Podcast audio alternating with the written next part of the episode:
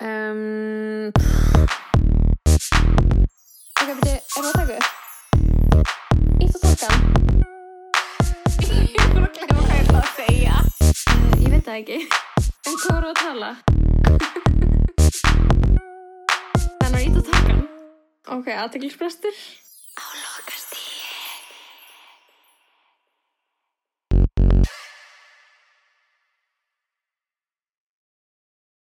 Hæ, Hæ hvað segir í dag? Smá lasin? Ég segi gott, maður er búin að vera smá tussulegur að því Já. maður er búin að slappa slói Þó ekki COVID? þó ekki COVID í annað sinn Nei. bara haustflensa Ég er ekki búin að vera lasin síðan að ég fekk COVID Já, í ok. oktober síðust ári mm -hmm. Mm. ákveðin skellur sko Mm það er ekki, það er ekki stuð sko Mm. þannig ég afs, beði hlustundur afsökunar á svona Það er hefur... þetta hotrödd kannski Nei, n- Nei, ok sorry, ne, nei, ég ætla ekki að segja hún sé hot. Hún þurfti alveg að fara aðeins smá dýbra. Já, til þess að vera eitthvað Þetta er bara svona kynlíti já, hún er, þetta er ekki ábrandi, sko. Nei, ok Þetta er bara svona, þetta er mjög, þetta er mjög passing, þetta er mjög healthy passing. Healthy passing rödd Healthy Ok, passing. geðveikt Mhm. Ok, he- health, healthy person realness í gangi hjá röddinu minni Mhm. Ég fíla það Hvað segir þú? Herra, ég er bara góð, er að hæra moment í vikunni. Um, já, þetta var smá svona þunglindislegar vikur hérna sem voru að líða og ég, ég man þarna, voru það líka í podcastinu, ég var eitthvað að skrifa descriptionið, Mm engi gestunum að þunglinda en að lóu, eitthvað svona. Og svo byrjaði ég á túr og bara hætti að vera þunglind og það var næs. og það var eitthvað svona, jú, eitthvað við vorum held ég öll að upplega bara svona grámiglan var farin að og pluss eitthvað svona kvíði fyrir mm þú veist, komandi törn. Já. Var svona, far, lág alveg svolítið svona á fólki. Mm þú veist, margir búin að vera ímist í sumafríði með börnin sín og finna, upplega streitu þar eða Já, fólk að koma með svona sumar eftir sjá, ég ger ekki nógu mikið. Já, það getur verið erfitt andlega að gera það upp. Mm um, ég var með eitthvað svona meðanst ég hafa alltaf mikið að gera og ég hafði já, engan fókus í að gera það og þá var það alltaf kviðnar og kviðnar svo Mhm. fór ég bara ég bara mesta þunglindi lífsminns og svo byrjaði ég á túr og Geðveikt. nú er ég bara endurfætt og það er svo leðilegt, svo ger ég ekkert í þessu svo fer ég bara, svo byrjar þessi ringur aftur, þessi vítarhingur sem Já. er tíðarhingurum minn sem er vítarhingur Eittir þetta svona vítarhingurinn Já, og svo aðna var ég bara eitthvað að kynna mér að sko hvert það hefði, hvort það væri mun hvort það hefði ykkur áhrif ADHD og hann PMS mm -hmm. og ég fæ geðast mikið PMS í svona mm, í formi svona kvíða.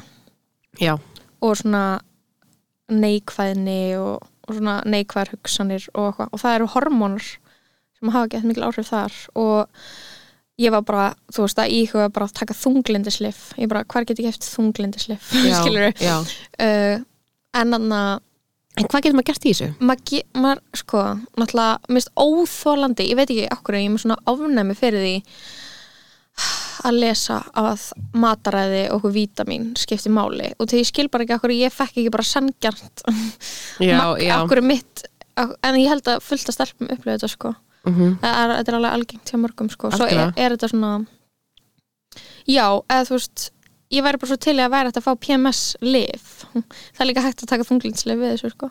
Ok, það er ég bara eitthvað I'm just thinking.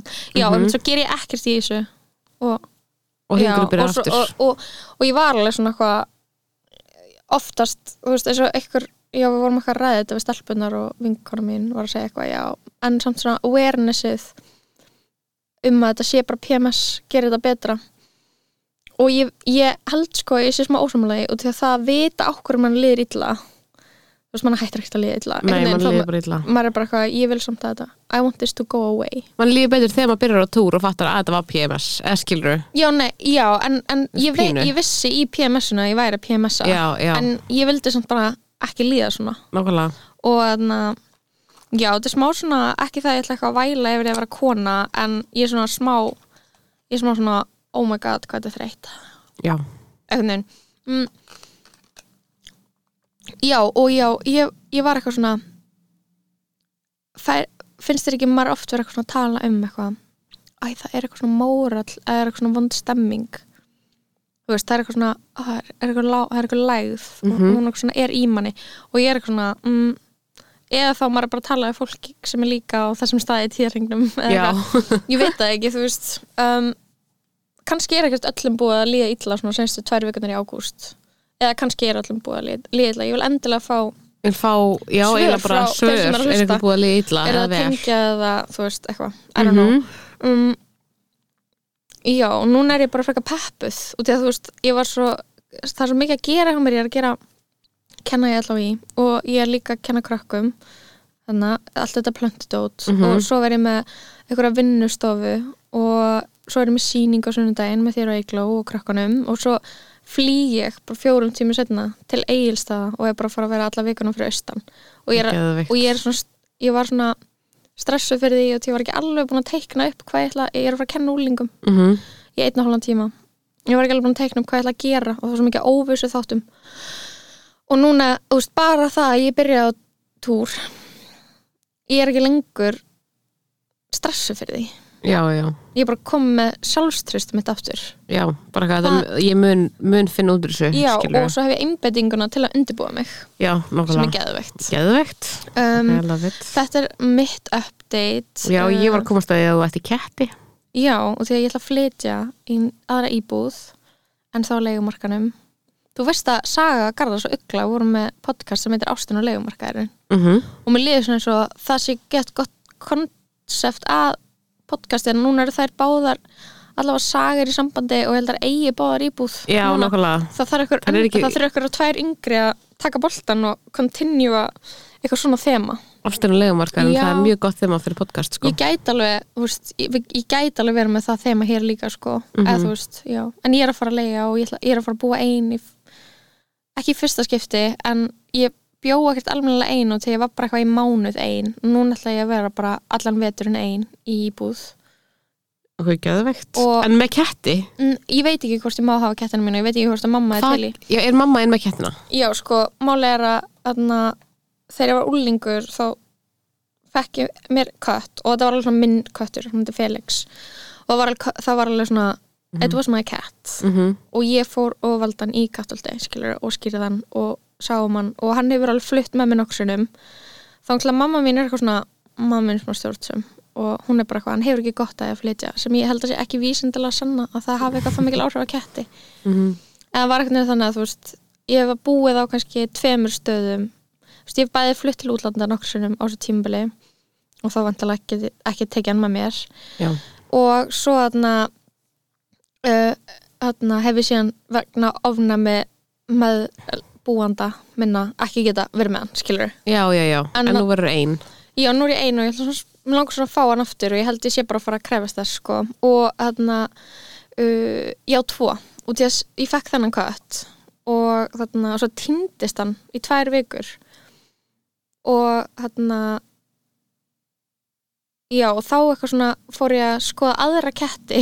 Ég held að hann verið dáin, mamma mín fullirt að hann verið dáin svo poppaði hann upp tveim ykkur setna hefði gengið marga kílómetra yfir eitthvað fjall. Bara pingu lítill, bara, oh bara uh, þú veist, hvað var hann, nokkra mánuða hann var ekki hann eins ás og hún, hún var næstu í dáin og næringaskorti þetta var hryggilegt sko, Hann góður. fór með hann til dýralæknis og hann fekk hann sprautur og lif og sérstætt mataræði og eitthvað til að þingjast aftur og það er king köttur sko. Og svo var hinn kötturinn, hann er svona meira svona crazy og uppáþrengjandi og eitthvað, þetta er svona tveir kattapersónuleikar, einn er bara svona alltaf í manni já, já, og sjúkur og þegar, var, þegar ég fekk hann fyrst þá var ég oft með hann svona inn á peysunum minni.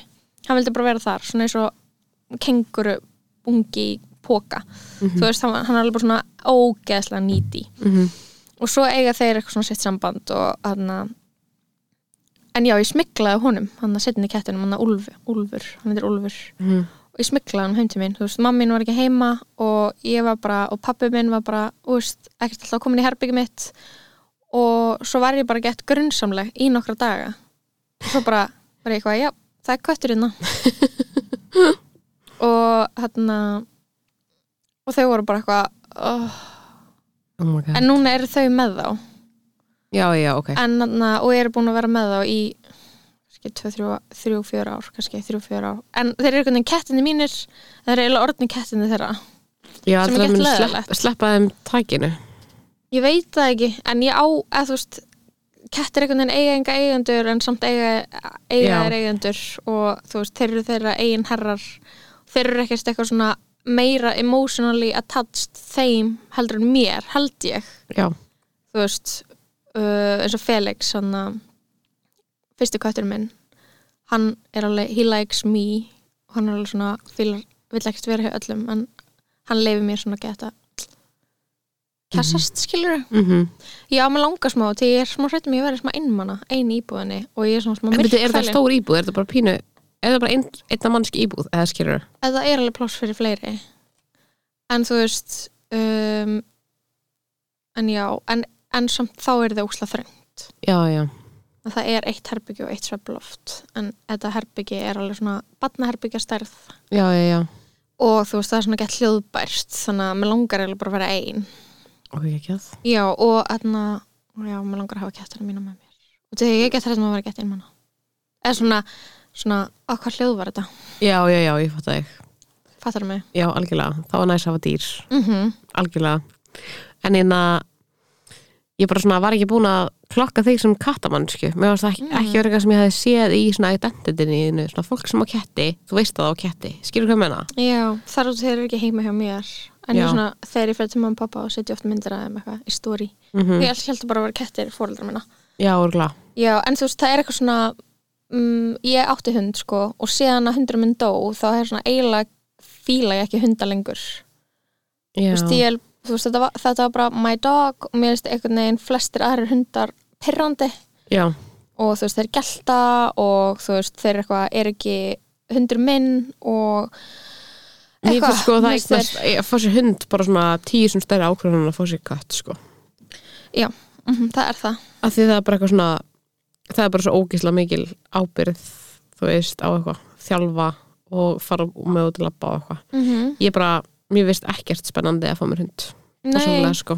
ég held nefnilega, þú veist ég hef svona fengið nokkur sem svona tilfinninguna, já ok, ég er alveg reddi, ég I could move on, ég geti verið hundamannska, mm -hmm. en þannig að ég er bara ekki á þeim stað í lífinu sko, að ég myndi geta verið með hund alltaf með mér og þjálfa hann og það tekur ókslega mikið tíma Mhm. og, og já, við skiptum á milli okkar skilur, vorum alveg, þú veist, þrjú sískinni og mamma og pappi þú veist, við vorum alveg mörg að Já, já. sjá um já, nokkla fara með hann út og en mér finnst það líka bara eitthvað að eiga gæludýr. Mér finnst það að geðægt hérna, streituvaldandi persónulega, eða ég var eitthvað svona að passa köttinina mömmu, ég er bara alltaf með samvegskupið gagvart dýrum sem ég er með skilur mm, mm, mér er svo erfitt að skilja þið eftir og svo koma tilbaka og þau eru gett nýtið og þú veist eitthvað að vá þú veist, þú bara hata þær að vera þú veist, mm, mm, þá er ég bara með ógst mikið samviskupið og ég er, þú veist, mér er það að eiga batt sem ég er með eitthvað stanslist samviskupið skilur hvað menna mhm. og mér er bara too much að vera með eitthvað dýr sem að mér En veist ég ekki geta elska 100% já ég veit það, þú veist já, kolk elskaði að hafa eitthvað Mhm. kött heima, dýrkaði það. Og ég var alveg bara eitthvað, ok ámar að, þú veist, eitthvað, ætla eitthvað kött. En ég bara, ég bara meik ekki, þú veist, þetta er bara of mikið fyrir mig, þetta er- mér einhvern veginn ekki í blóðbóri, sko. hefur aldrei átt gældir á Jú, ég hef átt alveg kaninu, páagöga En hefur ekki átt svona- Ég átti kött líka, því ég var unglingur. Og ég er bara, þú veist, elskaðan skilur en bara svona, mér finnst eitthvað, því ég er fullarinn og það er svona minn, þú veist, ég hef ekki átt síðan ég varð fullarinn, það er svona mín ákvörðin skilur, það er meira svona mm -hmm. við erum að fá kött, skilur og það er svona allir eigan saman. Mm -hmm. en ég er eitthvað svona ég bara eitthvað, ég fíla það ekki sko. Mér finnst það bara eitthvað svona, og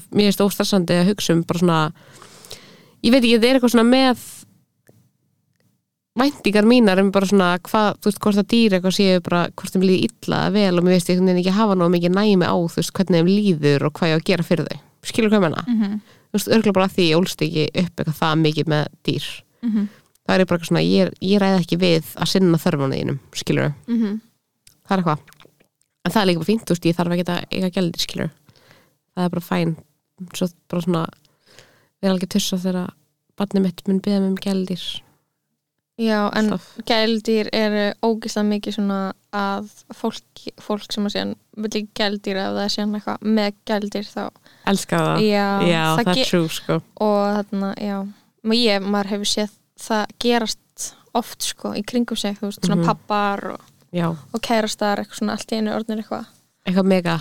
Þó þau vil ekki. En það er eitt hérna sko, Pappi hlustur á potið og hann vildi meina svona, hann var mjög ánæði með þættina sem hún fannst við vera svona e, komin á einna herra plan intellectually þegar við vorum að tala um þessar bækur og það. Mm, mm og hann fannst eitthvað svolítið droppa í þáttunum eftir á. Já, það getur verið. þættin með Bjarti. Já, hún fannst svona ekki hún fannst þess að einna já, það var ekki svona mikið í gangi þar já, intellectually. En þetta verður intellectual þáttur. Og- en vegna ætlum við að vera með mjög intellectual þátt. Já, ég er búin að gera pælingar, sko, ég er búin að, byrju, ó, þú já. búin að undirbúa þig. Ég, ég er búin að undirbúa mig, sko, ég er með geðveitt mikið að glósa mér notes, ekki út af þessu kommenti frá pappaðinum, sko, heldur, af því ég og hann alltaf hugsa um eins. sér það kosmíst svolítið svona á sveipu róli sko. Já, veist, ég er bara búin að, þú veist, búin að vera að horfa heimsbyggi YouTube-vídeó og lesa greinar og, og hlusta á plötur og svona. Og gera punta og glósur og eitthvað Mhm. og þannig að ég er alveg persónulega undirbúin, sko, ég líka fann að þú veist, stundum förum við inn í podcastið, ég allavega. Ég, nú er ég bara að tala fyrir sjálfur mér. Maður fer inn í með svona attitútið, sko. Æ, jæna oh my god, já, ég nenni ekki að tala um þetta. Og við tölum um þetta. En núna er ég, ég er núna með hluti sem að mér langar að segja. Já, já, já. Sem ég eitthvað svona vil koma frá mér sko Mhm. og já, við getum byrjað við þurfum að tala sko um Donda sem er nýja, nýja platan hans kann ég, að við Mhm. þurfum að við ættum eiginlega bara að byrja á kostningunum það var svo leiðtóa umræður í gær og rúf og það er bara, bú, þú veist, nú er bara, við, nú er bara í gangi bara fyr, fyrirfæra, fyrirfæra mikil kostningabarátta stýttist í kostningar uh, fólk er að reyna að gera upp hugsin já, það er bara þessu mánuði kostningar mm -hmm. og Mhm. Og þú veist, eitthvað svona og við erum komnir á þann aldur og svona vinir okkar og kunningjar eru Mhm. involveruð og er jafnvel á lista eða já, að reka kostningabaráttur eða vinna fyrir þingflokka og svona. Þannig að svona, þú veist, ég ætla samt að gæta hlutleysi sérna, sko. Ég ætla bara að fá að tala, mm þú veist, á þess að þú veist, vera eitthvað svona að reyna að hlýfa ykkurum út af ykkurum svona tengslum, skilur mig? Já, auðvitað eða þú veist, ég, Ég- ma ver, ég ég verð líka alveg svona stressuð fyrir því að þú veist, maður svona eitthvað gera eitthvað pirraðan, skilur mig hefur einhvern tímann verið svona fundið fyrir svona flokka hotlistu hef ég? já að því ég hef einhvern veginn Uh. aldrei verið á þeim stað að ég verið bara eitthvað þessi flokkur og ef einhver segir eitthvað slæmt um hann þá er ég pyrruð, eða skilur hvað menna eða það Já. finnst mér þurfa að verja það eitthvað þannig Já, ég hef alveg átt svona já, ég hef alveg átt svona tímabil, ég hef átt svona moment það sem að, þú veist, kannski eitthvað svona, þú veist bara í ykkur vinstri hægri, bara staðið þá með bara svona ykkur vinstri flokkum. Já, já, já, bara svona, þú veist, í mentaskóla og eftir mentaskóla og svona þegar að áður en að ég varð svona einhvern veginn jafn sinnikal og ég er núna mm áður en að, þú veist, áður en að mér fannst eitthvað missa trúveruleika sinn þá hef ég oft tekið upp hanskan fyrir, þú veist, samfélkinguna og vinstri græna. Mm Já, ég var alveg gert það. Ég get alveg sagt það. Á skamast mín. En já, ég, bara höfuð hátt. Já, ok, sko, bara ég, þarna- ég horfði aðeins í gæri, ég horfði ekki í beinni eins og flestir á þessar leiðtöða umræður og ég var bara svona skrifa niður punktaskiluru eins og bara bara taka eftir í svona hvernig fólk var klætt og hvernig var stilt upp mér er svona áhugavert að þú veist Bjarni Ben, hún er stilt upp við hliðin á hérna, Ingu Sæland og svo er við hliðin á henni Gunnarsmóri og það er svona mjög tveir turnar. Já, svona mjög svona það er svona mjög meðvitað. Og við setjum hann hann er uh, hann er við völd núna og við setjum hann einhvern veginn hjá fólkinu í, sem er svona krónist í stjórnarandstöðu mm á móti og svona stend, er á móti honum í mjög mörgu skilur það er sett þangað svona vonast til þess að vera eitthvað konflikt á því svæði en svo er samt líka þú veist konflikt og svo er líka Kata Jak og Logi. Þau eru hlifið hlið vinstri flokkarnir sem að hata hvernig annan skilur og þarna er þú veist án þess, nei, Vafki hatar ekki samfélkinguna Vafki er ekki að reyka kostningabaratu gegn samfélkingunni Vafki er að reyka svona ríkistjórna kostningabaratu bara svona já, þau En vilja kjósa okkur samt- fyrir stöðulegan áfram. Við hefum gert svo gott. Já, en Vafki er samt hérna að vinna með eitthvað svona samfélkingin ætti bara í rauninni að vera með alvöru vinstirflokknum eða það var smá svona orraðan á Twitter. Þannig að þegar hann að Líf Magniðudóttir sem er í vinstir grænum hún er mjög svona þannig að nokkri sem eru mjög virkir í að vera bara eitthvað að finnast vinstir grænir en þá bara æði, skilur Mhm. og vera eitthvað svona, þú veist, þetta var eitthvað einhver mynd af henni þar sem hún var eitthvað ulla með held í barninu sínu eða eitthvað Mhm. og var eitthvað svona uh, síminn er opinn eða vilja koma og joina alveg vinsturflokk áhugavert og ég var eitthvað svona vá, fyndið, þú veist Hvað er alvöru? hvað er alveg vinsturflokkur og það er alveg svona pínu delusional eða haldið að, að margir líti á ykkur sem alveg vinsturflokk lengur nema fólk sem er alveg svona bara ykkar kynnslóð, svona kynnslóðin Já, 40 pluss já, en svo er ég samt líka bara eitthvað, þú veist, hvað þarna mm, uh, ég bara svona er hreint ekki viss um, þú veist hvar ég, þarna, hv- hvort ég sé endilega í þarna eitthvað svona tím, þú veist, anti-ríkistjórnin, pró, enna hinnir flokkanir sem vilja, þú veist, fella ríkistjórnina og gera nýja öðruvís ríkistjórn, skilur, ég veit ekki endilega þú veist, ég er bara svona veist, það sem ég var að hugsa um í gær er bara eitthvað völd, skilur hver, Mhm. hver er hann að hæfur til þess að fara með völd og Mhm. þú veist, og, og hva, með hvað ásetning er fólk statt þarna og, og og svo er ég líka bara að hugsa um eitthvað svona einhverjir sem, eða þú veist, þegar fólk er með svona undir oka að við erum hinn kúðu, við erum hinn jaðarsettu við rödd okkar á að heyrast svona þetta attitút versus eitthvað svona annað fólk sem kemur inn. Eins og þú veist Bjarni Ben, hann fer ekki þangað. Aldrei, skilur, mynda, en, en einhvern veginn samt, þú veist Mhm. uh, og hann var alveg með svona hann á með svona taktik í gær sem hann, hann displayar oft skilur það sem hann er bara hann er ógeðslega ákveðin, hann er ógeðslega sjálfsörugur minnst hann tala allt of hátt það er allt of mikið svona Mhm. hann, hann fer í þetta veist, og það er mjög úthugsað og það er, það er bara svona hann embodjar hugmyndir okkar um hvernig okkur finnst að valda fólk sé Já, það er ákveð, það, þú veist, það fipar ekki skilur Mhm. það, það, Það það, seg- það byrst ekki afsökunar eða segir skiluru, að ég gæti hafa þetta eða skiluru, þú veist það er alltaf það verður alltaf rétt fyrir sér já, það er aldrei rángstætt, það er alltaf bara á réttu sko, Já, og bara þú veist, það er þetta það er svona klassist svona eitthvað gaslighting skilur líka Já, sem á sér já. stað. En ég bara svona, þú veist, að einhverju leiti það sem breytist hjá mér í gær það er svona eitthvað í mér sem var bara svona samúð mín sem hefur, ég hef oft fundið fyrir samúð, gagvart til dæmis þarna hó- hópum eins og Ingus Island sko, þannig frambóðum bara, ég get bara að tala um ég, ég, langar bara að lumpa for the sake of this argument bara svona saman miðflokknum, uh, sósæltaflokknum og flokki fólksins. Mhm, bara svona setja þau aðeins í eitt. Mhm. uh, maður langar ekkert endilega að hafa Glúm Baldvins inn í því Mest, hann, hann, það, er, það er aðeins annað það er aðeins eitru orska orska Já, bara eitthvað svona, þú veist, jú, þetta er kannski greina sama tré Já, en já. með, í með eitthvað svona þú veist, það er eiginlega önnur umræða sko, heldur en, heldur en það sem ég ætla að segja núna, að ég Mhm. fekk bara svona eitthvað uh, ég fekk bara eitthvað svona að mér langar ekki að kjósa þau, þú veist, að fara inn í tilfinningaröginu, fara inn í, þú veist er þetta landið sem við viljum búa í og það sem að, þú veist, og Inga Sæland hún talar í svona hún talar í svona frekar illa orðuðum, svona, hún er svona frekar léla Já, svona þjóðarskömm að hafa tíu þúsund fátakböld eða svona það er svona svolítið Já, og hún svona, þú veist, þetta er allt hún notar oft eitthvað svona myndlíkingar sem eru eitthvað svona bull eða Mhm. þú veist, hún svona, þú veist, er ekki alveg með eitthvað svona svona gott valda málinu, sko. Já, já, og þarna og ég fó bara eitthvað svona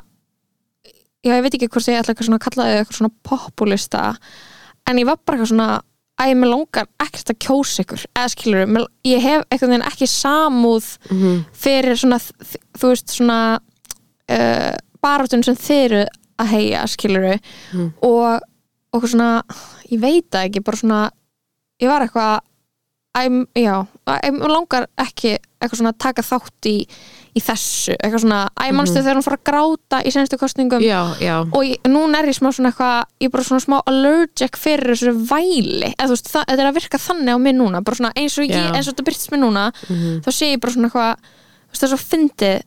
Inga Sæland er þarna að reyna að fá atkvæði og út í að hún er að reyna að komast í ríkistjórn en eitthvað það sem hún er að segja er að þarna er hún er þarna í stjórnarandstöðinu svona smá eins og hún sé bara á þingi já, og hún er að gaggrina þú veist hún er að segja að þegar þið fáið völdin þá vona ég þið standi við stóru orðin og maður er ekki svona já ok, þannig að þú ert ekki einu svona að reyna að vera ríkstjórn já, já, já, og þannig, já og, ég fætt það og svo einhvern veginn líka, þú veist eins og þarna, allar þessar kerfispælingar hjá sósvöldafloknum mm -hmm. og ég er bara eitthvað ég er bara eitthvað mm, já, við erum ekki að fara við erum ekki að fara að taka niður hérna kapitalíska kerfi á Íslandi. Ég er bara eitthvað, nei, þú veist, og ég bara já, ég hef enga samúð með þeirri pælingu, sama hversu mikið hérna mér finnst þér leita við það á einhverju öðru leiti þá bara svona þegar ég sá þetta þarna í kostningunum nei, í kostningasjónvarpinu þá var ég bara eitthvað vá, þetta er delusional pæling. Mm -hmm. Ég hafði ekki eins og gaman af þessu sem einhverju svona hugveiki, já, já, ég skil fattar það mig. Mm -hmm. en þú hugsa með sko, einhverju pæling þú, Anna, segja mig hvað þið finnst. Sko, ég hugsaði eitthvað svona í fyrsta lagi, þú veist þá er ég líka bara eitthvað svona mjög cynical á, þú veist, á þá pælingu. Og, og það sem að mjög veist svona, ég vil svona það er svo margt hjá, þú veist, sósælfloknum sem ég er svona hugmyndafræðilega mjög sammála. Og svo kemur líka á svona cynical uh, þú veist, pælingu upp í mér sem er bara eitthvað, þetta er aldrei að fara að ná einhverju breytingi og þá fer ég að hugsa skilur líka bara eitthvað um bara eitthvað kapitalisma og þú veist, hana þú veist, slæfa þessi seg að tala um þú veist, það er auðvaldra að ímyndi sér uh, heim, heimsendi en en, endalók en endalega kapitalisma. Og þetta sé svona ákveðin skortur á um, hvað ég segja, á ímyndunarafli þú veist, hvað við sjáum það ekki fyrir okkur. En á sama tíma viljum við að þú veist, fólk sem að ætlar að fara á þing ætlar að segja ykkur hvernig þið ætla að gera hlutina skilur ekki bara hvað hluti þið ætla að gera. Mhm. þannig að þú veist mér er það líka einhvern veginn uh, þú veist kannski pínu vanta þarna skilur af því þú veist alveg eins og með Ingu Sæland þú veist, hún er búin að vera í fjögur ára á þingi í stjórnlandstöðu Mhm. og þú veist æ, það er svo erfitt að það er svo, svo erfitt að meta þú veist hvað fólk er að fara að þú veist raunverulega ná að gera og því að síðan nærði ekki þú veist, málið er, ástæðan fyrir maður að vera svo ógislega svart sín er að nú erum við bara eitthvað að upplega bara eitthvað miljónustu stjórnina sem er með sjálfstæðisflokknum, alltaf bara einhver með sjálfstæðisflokknum í stjórn, skilur við við erum að tala um bara eitthvað, hvað 26 ár þar sem sjálfstæðisflokkurinn er þú veist, með eitthvað meira hlut á þingi eitthvað, skilur við og og maður er bara orðin eitthvað svona ok, þú veist, að það komast aldrei neinn máli í gegn og það skiptir bara aldrei neinn máli út af því að til dæmis ná, ná alls svona flokkar þjóðnarstöðinu einhverjum málum í gegn eins og bara eitthvað, bara eitthvað viðreist þú veist, öllu frumur sem held ég viðreist og píratar eða eitthvað um voru með. sálfræði þjónustu um sálfræði þjónustu eða bara eitthvað, vi- minnir að viðreist hafi verið með þetta frumvarp en eitthvað í samstarfi við aðra flokka, whatever, nenni ekki pæli þannig að uh, og það er samþykkt en það er ekki framkvæmt af því það strandar á því að það er ekki sett til hliðar eitthvað fjármagn til þess að láta að vera veruleika. Og það gerir mann svo ógíslega sinnikal að því maður hugsa bara ok, þú veist, sem eitthvað gott mál sem ógíslega mikið af hólki myndi bara hafa haga af að við myndum framkama þú nærði í gegnum þingið Já. Skilur Mhm. og það skiptir ekki út af því að stranda bara á einhverjum fjárlögum skilur Mhm. og þetta er allt til þess fallega að gera mann ógíslega sinikall á að verði nokt mann einhverja breytingar Mhm. og þú veist ég er ógíslega, ég var bara að horfa á þetta að gera, ég var bara, þetta er bara ógíslega mikið af fólki sem er bara, talar onni hvert annað og þú veist, oh, já. er bara einhvern veginn þetta er ógíslega erfiðar umræður og allir vilja einhvern veginn ná að segja sem mest og mér er líka að segja bara gett mikið um að það sem ég er líka að hugsa er eitthvað svona hvort vil ég kjósa hugmyndafræðina Mhm, mhm. eða vil ég kjósa sko mér er líka skipta óslega miklu mála þegar við höfum talað um til dæmis e, típuna sem að er með einhverju hugmyndafræði og vill svona tróða henni upp á þig og hef, á svo toxic samskipti á svo eitruð bara svona er svo eitruð í samskiptum og þú veist, kúar aðra með í rauninni nervuru sinni, skilur hvað ég menna þú veist, er bara svona, þú veist að ég fatt að það er svona einhver bara einhver gauður að útskýra fyrir þið feminisma og er bara eitthvað, þú ert ekki, þú veist er með hugmyndafræðin á hreinu en er bara eitthvað að þú ert að gera þetta vittlust, bara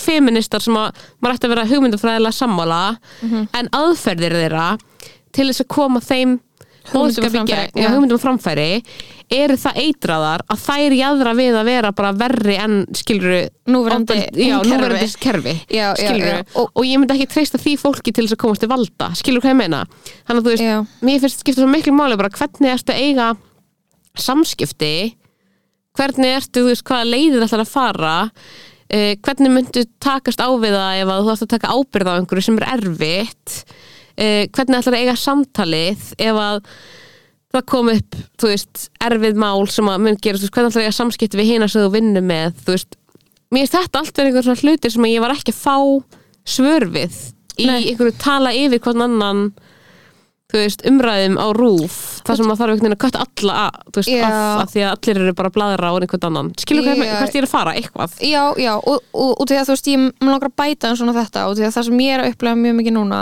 og er í rauninni uh, smá breyting frá því hvernig mér hefur vanlega liðið Mhm. er að þú veist, ég, ég veit ekki hvort að þarna, þú veist, ég er á einhvern veginn á engan hátt að tengja við, þú veist að, þarna, að við þurfum einhverja kerfisbreytingar þegar að það er eins og sé, þú veist, það er miklu líklega til þess að hafa ykkur góð áhrif að við gerum jákvæðar breytingar innan kerfisins. Skilur Já, mig, já. að bara mér langar að þú veist, einmitt kjósa flokkin, skilur sem að ætlar að gera samfélag okkar betra. Mm þú veist, á þann hátt sem að ég tel að þurfi vanda, skilur Mhm. og, það, og, og bara svona sérstaklega þú veist, nummer 1, 2 og 3 ætti eiginlega að vera umhverfismál -hmm. uh, út af því að það, það verður að fara að gera eitthvað þar þú veist, það er bara, bara þá að byrja, skilur Mhm. en líka bara, já, bara svona öll svona jafnbrettsmál, bara, þú veist grunnframfærslur og bara kjörnámsmanna, kjör þarna, bara svona fæðingar orlofsmál, leikskólamál uh, ellilíferis ellilíferir uh, atvinnuleysisbætur, örorkubætur bara svona að þú veist, bara svona að reyna að draga úr bara fátækt og ójöfniði skilur Mhm. og bara hvað við getum gert það í kapitalísku kerfi úst, út af því að ég held að úst, ég held að bara svona mörg lönd á Norðurlöndunum skilur að segja hans meina næs að búa þar Mhm. þú veist, það eru náttúrulega til ókslega mikið peningum í Svíþjóð og Nóri Mhm. einhverjum, einhverjum peningum, einhverjum ólíupeningum og, og í Svíþjóð einhverju, þú veist, jú og svo var Danmark með einhverja nýlendur og eða, veist, þetta er bara eitthvað rík skilur, Mhm. en við erum það líka við erum, alltaf, við erum, rík, við erum ríkt land, við erum alltaf láti eins og við sem fátæk og við erum alltaf ger, skerða kjör eins og við séum að spara Já. sem er smá svona, þú veist uh, Bjarni Ben eða þú veist, smá það sem Gunnar Smári var að segja við Bjarni Ben í gær Já. og þarna og þetta er allt bara ákförðun skilur, það er bara ákförðun hvað við ætlum að nota skattana í og það er bara ákförðun þú veist, Hvað ekki hóp- mikið, já, já. hvað hópa við ætlum að halda utanum og, Mhm. hvern, og veist, og það er allt bara spurning um bara hugmyndafræði, veist, ég trúi því ekki að sjálfstæðisflokkurinn veist, ég hef svo oft sagt já, bara eitthvað sjálfstæðisflokkurinn hatar fátætt fólk og núna er ég bara eitthvað, nei, hann hatar ekki fátætt fólk hann er bara geðut ósamálaði í hvað þarna, hvernig þau halda að fátöku fólki munu liða betur, skilur við versus einhverjum, einhverjum vinstri Já, ég held með að séu bara alveg saman um fátætt fólk, skilur það sé ekki fólki sem að þau encountera í daglegu lífi, þannig að trú ekki að það sé til. Ég held það svona í veist, ég held að Bjarni Ben bara trú ekki að fátæk margir sé til veist, bara með allt sem hann hefur sagt, skilur upp á síkasti, þá er bara, þú veist ekki hvernig fólk lifir, þú veist, þú talar um að fara til sérfræðilækna, það er bara svo þú veist, ég held að hann sé bara svona mjög langt þú veist, frá þeim raunveruleika. Já, algjörlega, algjörlega, svo veit ég ekki þú veist um, en já, ég er bara, þú veist, ég er þarna skilur, ég er bara eitthvað mm já, að þú veist uh, mér, mér farið að líða eins og eitthvað svona demokrata skilur, ég er bara eitthvað, ég er ekkert Já. að segja að ég sé eitthvað á, búin að ákveða ég sé eitthvað búin að þarna, uh, ákveða atkveða mitt sko. En þarna nei, ég er ekki búin að ákveða mig heldur. En, en eitthvað, þú veist, það er eitthvað í þessu þar sem að ég er bara eitthvað uh, við ekki bara stefna að því að gera umbætur á þessu kerfi þú veist, erum við mm, þú veist, við bara, þú veist, við getum ekki við getum ekki stempla okkur út úr hennar kapitalísku kerfi. Við en nú, nú er það sem ég er að hugsa. Hvað ef að þú veist eh, ef við erum að reyna að ímynda okkur veist, hva, að við sem að kjósa þannig að við fáum einhverja ríkistjórn sem við viljum fá. Þá er ég Mhm. að hugsa um flokk eins og þú veist ef að so, flokkur eins og sósílistaflokkurinn væri í ríkistjórn Mhm. þá myndi hann örugglega ekki geta þú veist, hann myndi ekki hafa neitt brautagengi í ykkur mm fjögur flokka stjórn til eitthvað milja niður þetta kapitaliska kerfi. En hann myndi Nei. kannski geta verið rödd sem er nógu langt til vinstri til að ná einhverju í gegn skilur meira en núna. Veist, það sem ég hrættum er þú veist það sem ég er að hugsa núna er, ok, er það ekki svona flokkurinn sem er lengst til vinstri, sósíalistflokkurinn hvaða flokkur er lengst til vinstri? Já, örgulega sósálista Ég held að þessi kannski svona mest til vinstri og svo séu svona margir aðrir bara svona frekar nálægt miðjunni vinstramegin, skilur samfélkingin, vinstri grænir mm -hmm. uh, viðreisnir í miðjunni Mhm. hvað er meira? Er ég að glemma einhverjum? Miðflokkurinn og Miðflokkurinn. flokkufólk- flokkufólksins Hægri, flokkur Nei. fólksins Miðflokkurinn er örgulega miðflokkur líka það, þeir Já, vilja, vilja kalla sér það allavega en Já. sko en það sem að þú veist um, ég er að pæla er bara svona hvernig þú veist, að því að nú þú veist, vildi vinstra fólk fá vinstri stjórn síðast mm -hmm. en flokkarnir sem að þú veist eh, fengum mest fylgi byggu til stjórn sem samastóða framsók sjálfstæðsflokki og vinstri grænum, skilur mm -hmm. hann að þú veist það sem ég bara að hugsa er hvernig þú veist myndi maður einmitt ná mestum kerfisbreytingum væri það ekki með því að þú veist einhverju flokkar væru ógeðslega rótækir og aðrir svona aðeins á einhverjum öðrum meiði, skiluru til þess að ná fram einhverjum breytingum. Út af því að mér fannst breytingin verða síðast svo mikið, þú veist sjálfstæðsflokkurinn hafði svo mikið vægi skiluru, En finnst Að þér ekki það erfitt að, dró- finnst þér ekki erfitt að meta þetta eins og þú veist, ég er ekki sérfræðingur í góður.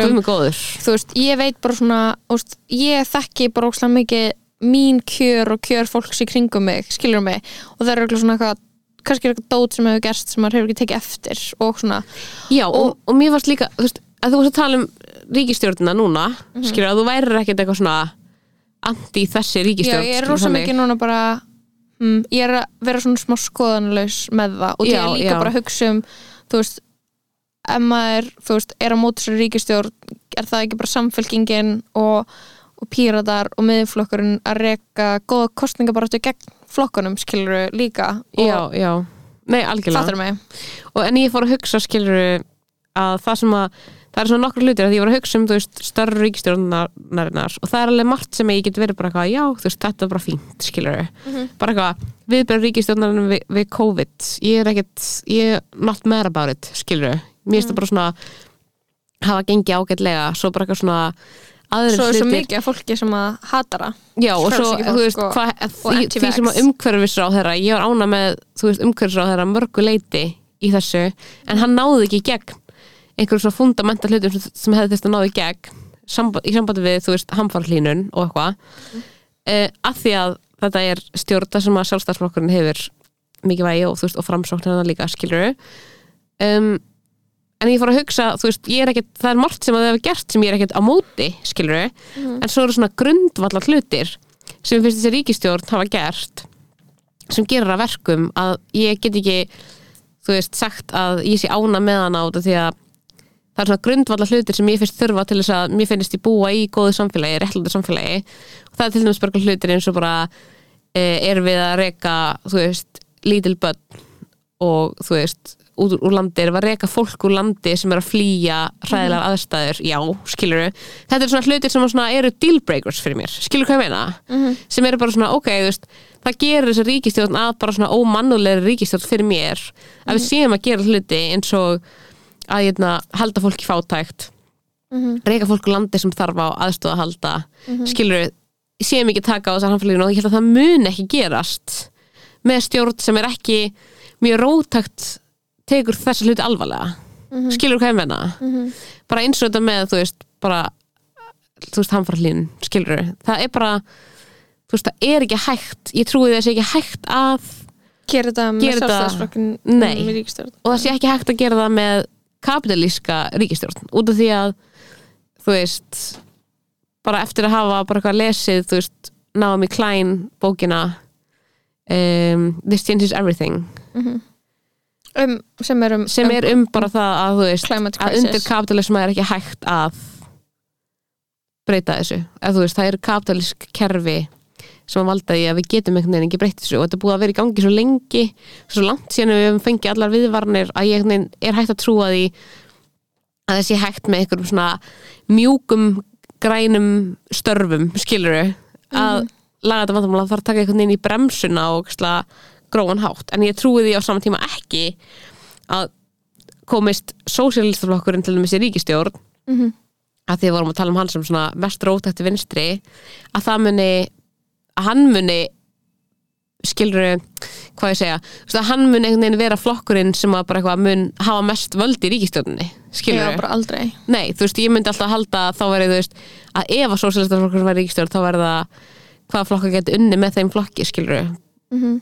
Þú veist, það skiptir líka máli, þetta er allt eitthvað svona einhver strategía, skilur í gangi og það er einhvern veginn ekki eitt flokkur sem maður er, maður er einhvern veginn að að ég veit ekki, svo er ekki hægt að kjósa eitthvað strategíst og þegar maður veit ekki neitt hvað er að að gerast. Þú veist, margir sem kjósa vinstri græna í góru trúum að þau myndi ekki vinna með sjálfstæðsflokknum svo gerðu þau það, skilur Já, ég var sko, ég var að játa eitt, ég kaus ekki sinnast. Ok, heyrðu, ég var alltaf við ætlum alltaf að tala um að þú hefur verið red pilled en, Já, ummitt, ég var þú veist, það er eitthvað neginn Já, já eða þarna treadpilled. Ég er femsel. Ég er bara eitthvað svona, þú veist, ég er bara eitthvað trúi engum, þú veist, ok, þú veist, það sem ég sá í gær var bara fólk sem var gott að performera, þú veist, já, máli er að þarna að þú veist, það getur ekki hver sem er komið fram í sjónvarpi og veist, það sást í, í tilveiki Glúms Baldvinssonar að hann mhm, er ræðilegur performer og hann var í ruglinu mhm. Og bara svona bara af sér ill- illan þokka og bara, þú veist, var eitthvað bara svona óþægilegur með erfi, bara svona erfi orku og Mhm. svona og þarna hinnir eru bara svona þú veist, allt í henni er bara eitthvað ég er bara hugsið út frá típum og eitthvað, skilur og því að Mhm. svo einhvern veginn eru störf þingsins eitt og svo er, svo er embættismenn og svo líka bara það sem hvað vill fólk, þú veist, við erum við erum enga veginn komin á þann stað á Íslandi að þurfa ykkur að byltingu hérna, skilur við erum eng, enga veginn komin á eitthvað svona eat the rich stað, skilur og ég er bara eitthvað, mm. þú veist, ég er bara að horfa á þau og ég er eitthvað svona, mér finnst það ég er mikið leikri til þeim öllum og Mhm.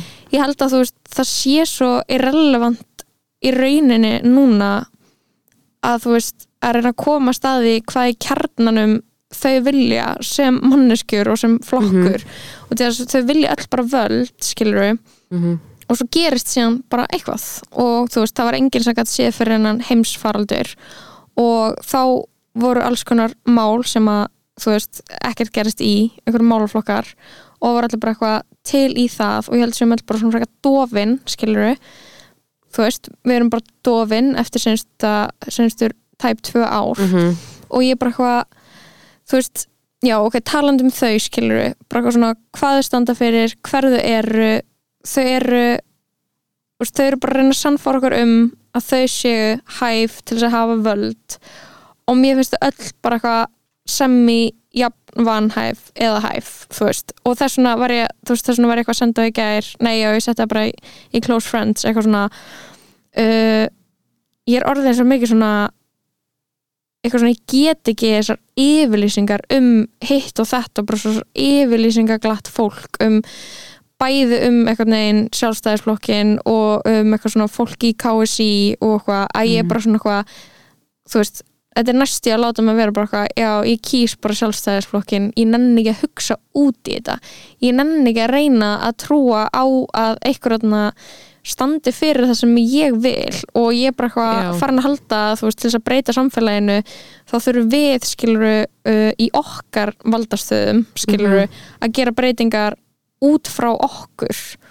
Þau, st- eða þú veist þingi stjórnar ekki okkur skilur okkar ákvarðunum, fattar í lífinu ríkistjórnin er ekki það sem að ger, veitir okkur lífsgleði eða lífsfyllingu eða lætur okkur vera góðar að slæma manneskjur. Það er bara eitthvað svona okkar gildismat, okkar hegðun veist, og þannig ég er bara eitthvað svona já, mér er í rauninni bara svona alveg sama, mér finnst þetta ekki finnst þetta valla koma mér við Mhm. að einhverju leiti sko. Og því að ég sá bara fólk í leikriti. Já, ég og ég sá bara búninga og Já. bara, þú veist, og Inga Sæland með, með blundu hanskan sína. Þorgjur Katrín var eiginlega næstu eins kjól og GTRN var í á, á nýklassík og sinfó. Og þú veist og katajak í sínum fötum og verandi sín típa og og ég bara eitthvað þú veist og, og sama skapi bara eitthvað ok, þetta var eitthvað sjómarskjörningur seinasta sem ég langar að gera er að fara að lesa stefnuskrar flokkana. Þetta get ekki ímynda mér eitthvað leðilega, hel, leðilega heldur en svona kostningar, þetta er svo óspennandi.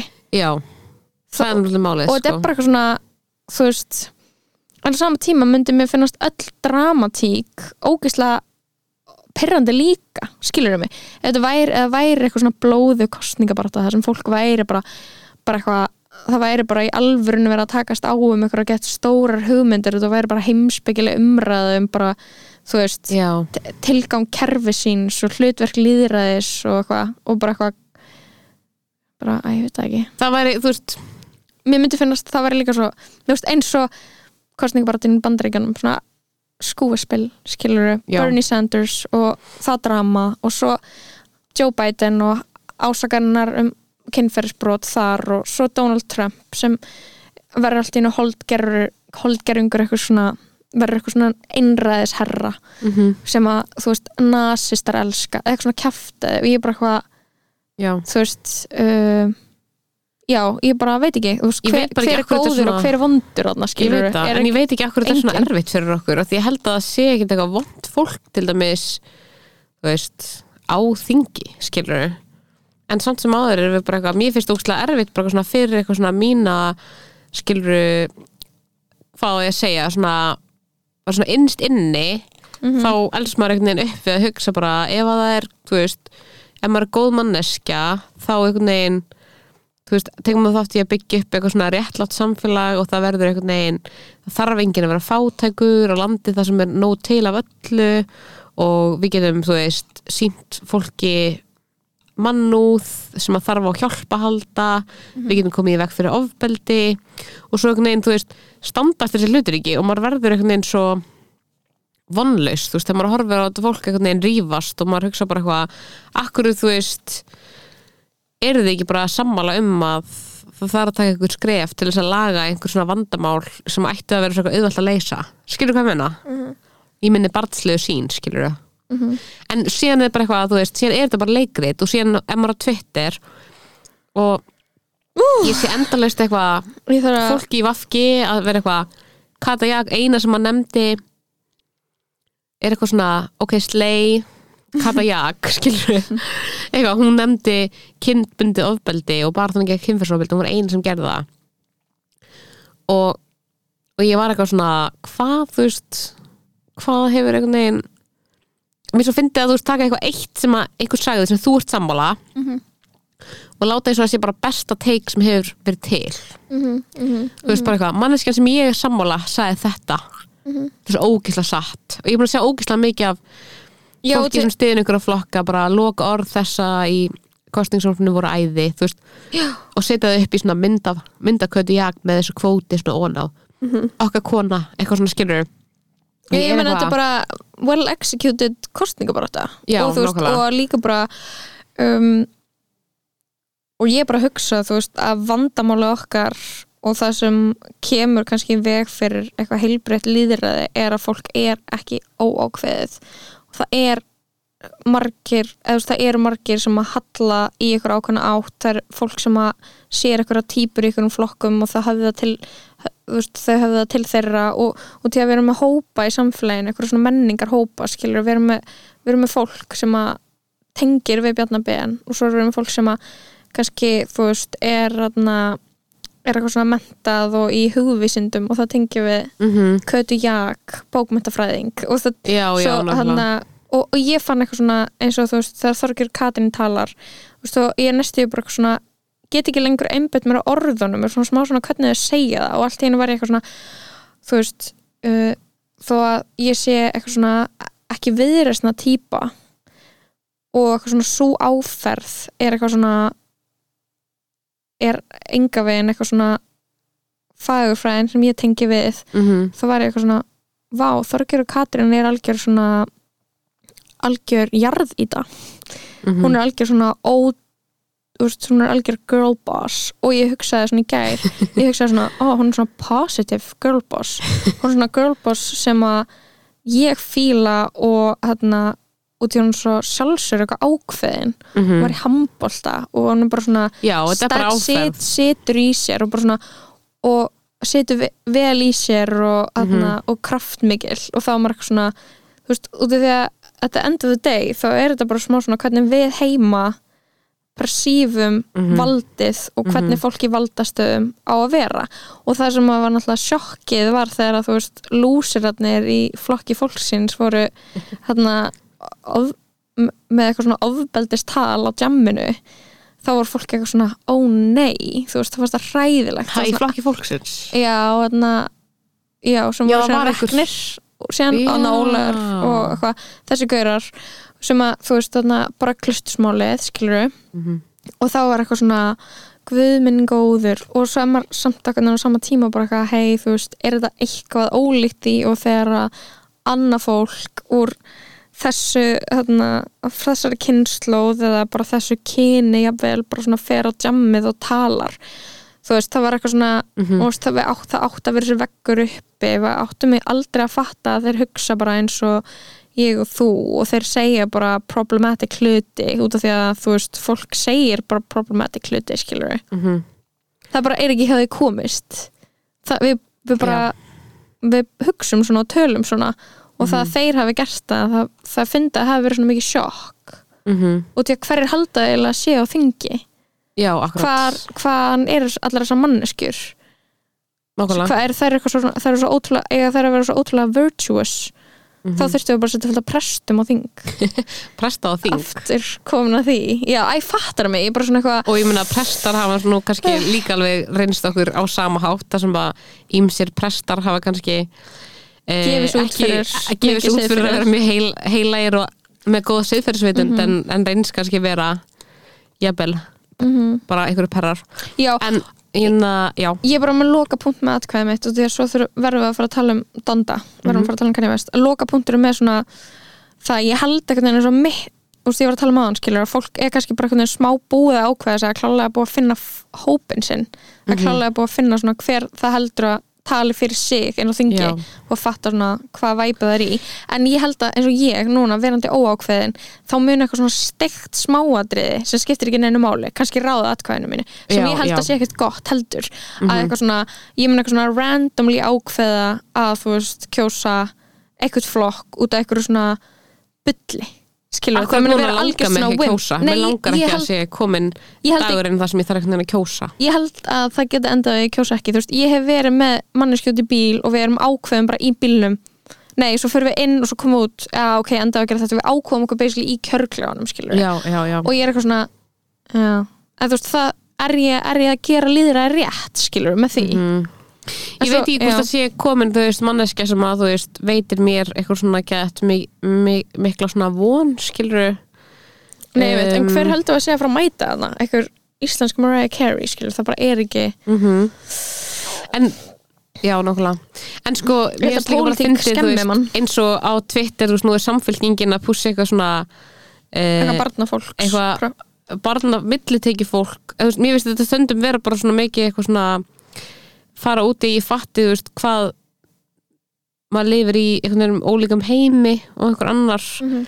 er að þú veist að það sé verið að eitthvað tvíta eitthvað fimm sinnum setningun eitthvað milliteki fólk á að fá herri barnabætur og ég er bara að fá 100% fullar barnabætur já, og ég er bara 100% milliteki manneskja já. og ég er bara eitthvað Vá, ég er ekkert spennt fyrir þessu ég er Nei. ekkert spennt fyrir pælinguna ég fái eitthvað peningan á reikningi minn í hverju mánuði í formi barnabóta, mér finnst það alveg fínt ég er ekkert á móti, skiluru það er ekki eitthvað sem ég er spennt fyrir Mm. skiluru, Mhm. það kveikir ekki í mér ég er ekkert eitthvað, vá, já þetta gefur mér mitt vót. Mér finnst það óslega fyndið að vera eitthvað svona það er einhver svona ákveðin svona slókan eða stefnumál, eða þú veist, kannski er maður bara svona meðvitað um leikritið, Já, maður er meðvitað um leikritið sem einhverju fundi ákveður bara, heyrðu þetta er Keyrum á þetta. Keirum á þetta.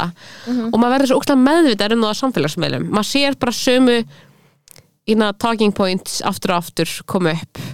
Mhm. uh, og maður sér það líka, þú veist, það er líka bara svona ákveðin orðræða. Orðræðan hjá sjálfstæðisflokknum er uh, við höfum það gott við munum halda áfram að hafa það gott. Stöðuleiki það er stöðuleiki, það er frelsi.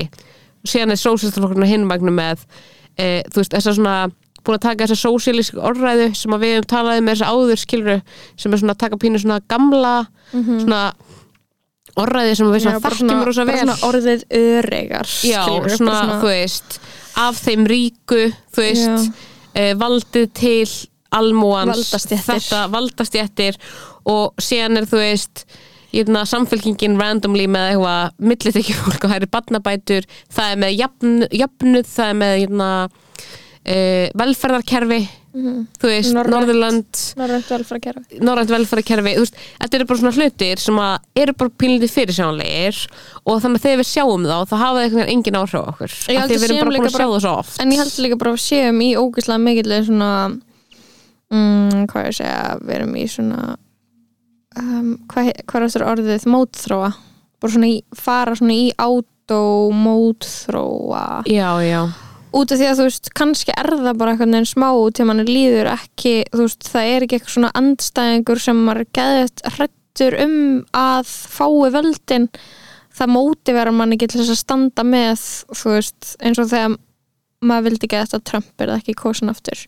Þá var maður Já, gett eitthvað svona bara Já. eitthvað, vildi ekki að þetta er þið reikin successful demokrata kostningabaróta svo Það er það er, einhvern ekki ko- þannig er ekki kosin aftur. Nú, maður er eitthvað svona meira bara eitthvað það er einhvern veginn ekkert sem að hérna, sannfæri mig um að sjálfstæðarflokkurinn muni ekki ná bara jafn miklu eða meira en fekk síðast. Nei, mitt. Út af því að einu sem að muni tapa eru, þú veist, vinsturflokkarnir af FG fyrir að hafa farið með þeim í stjórn. Mm -hmm. það er alltaf fara að vera þannig. veist, það er ekki, ég, það er ekkert sem að læta mig halda að En það er út af því að við erum með svona gæðið háar móralska kröfur þú veist, vinstir menn eru bara að uh, veist, það var ekki, það var slá fyndið að tvíta ekkur um daginn.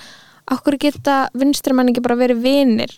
Eins og í gamla dag, ég er eitthvað, hvenær hafa þær verið vinir, þetta er bókstarlega þú veist, mm -hmm. þarna bókstarlega bara frá upphafi fucking pælingana um kommunism og sósialisma hefur hefur, hefur þetta bara verið stríðandi fylkingar sem að rífa og kraðra niður og segja að hinn hópurinn sé ekki jafn- nógu rétthugsandi þú veist þetta hefur bara alltaf og er að berjast um það. atkvæðin veist, sína milli en ekki að Ekki- reyna að fá atkvæði sjálfstæðismanna Nei, eða þú veist þau bara það er, það, það, það er ekki eins og þetta að setja orkuna í það út af því að þetta er svo mikið að banda á það hvað hinn er ekki nógu mikil vinstrimæður eða hvað. Mhm. eða einmitt að í þessum flokki þá var eitthvað sem var perri í þessum flokki þá var eitthvað sem að þú veist var einu sinni ríkur og í þessum flokki þá, þú veist, þetta er bara svona, þetta er bara stemmingin það er bara impossible moral standards skiluru og það er bara að vera að benda á hvernig þú hefur bröðist þeim þú veist bara svona eins og feministar á Twitter gera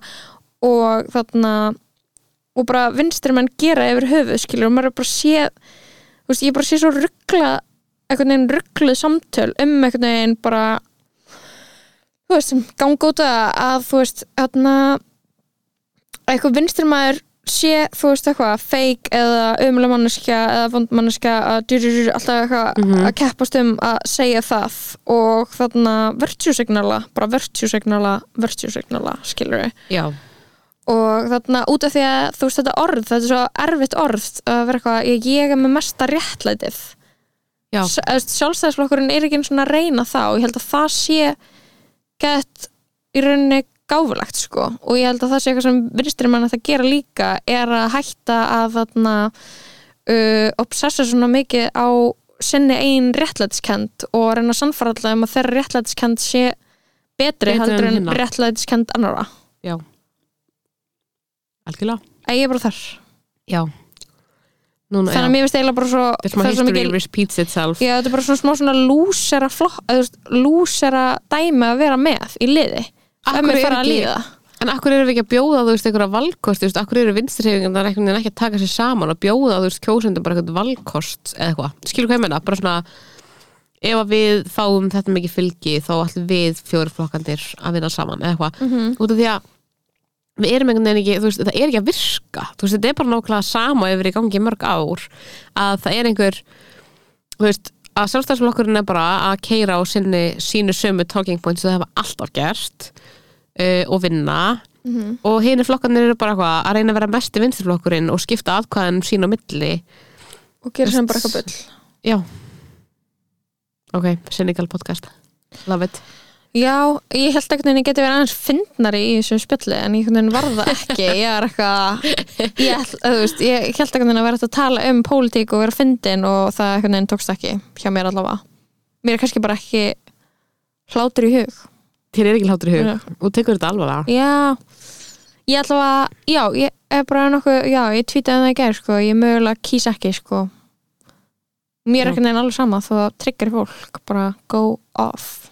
Mm veist, já, að einhverjum, þú veist, að einhver leita held ég að okkar kynnslóð eða jafnvel yngri kynnslóðir skilur mm að þú veist, við erum ekki jafn uh, passionate fyrir líðræðinu og kynnslóðin sem að ræði mestu sem er, þú veist, það er náttúrulega, ný, þú veist, það er náttúrulega al uh, kjóstahópurinn er, þú veist eldri en við, ég las eitthvað það var einhver að segja á Twitter allavega í dag að þú veist 90% af þessari boomer kynnslóð kjósi og ung fólk kýs ekki. Sem því að mestu völdin er í höndum þeirra ký, það kynnslóður kýs en það kýs kannski er með verri mætingu. Já, við verðum mætingu miklu verið, skilur við kjó, þú veist, ungt fólk alveg mjög litlu, skilur vegna þess að þau kjósa ekki. En það er líka út af því að þú veist ungt fólk hefur ekki upplifað að líðræðið hafi virka fyrir sig. Skilur hvað ég menna mm -hmm. og þetta er kannski held- svona einhver endlega cycle út af því að kjósa þau ekki og það heldur áfram að virka ekki fyrir þau. En við upplifum ekki að valdið eigi heima á alþingi, við upplifum valda heimvikstur annarstar, valdið að heima í veist, peningum, þá að heima í kapitalism heima í veist, hver á mesta peningin hver hefur mesta menningalega uh, vægið skilur Mhm. þú veist baráttan er einhverstar annarstar en á alþingi. Enginn er að fylgjast með alþingi, það er allum drullum hvað er að gerast þar, Mhm. allum drullum hvað frumvörp þú veist, verða samþykkt út af því að síðan gerist ekki neitt í framhaldinu, við vitum þetta út af því að einhver sem á peningana segir nei. Þú veist, þannig að það er eitthvað svona eða þetta stoppar eitthvað stær í bjúrokrasíu veit að stoppar einhver í einhver brúrkrassi skilur Mhm. og það er bara einhver svona hlutir sem eru til staða til þess að stöðva að verða einhver raunverulegar kerfislega breytingar. Mhm. og, og já, valdi á bara ekki heima lengur inn á alþingi, þú veist það er heima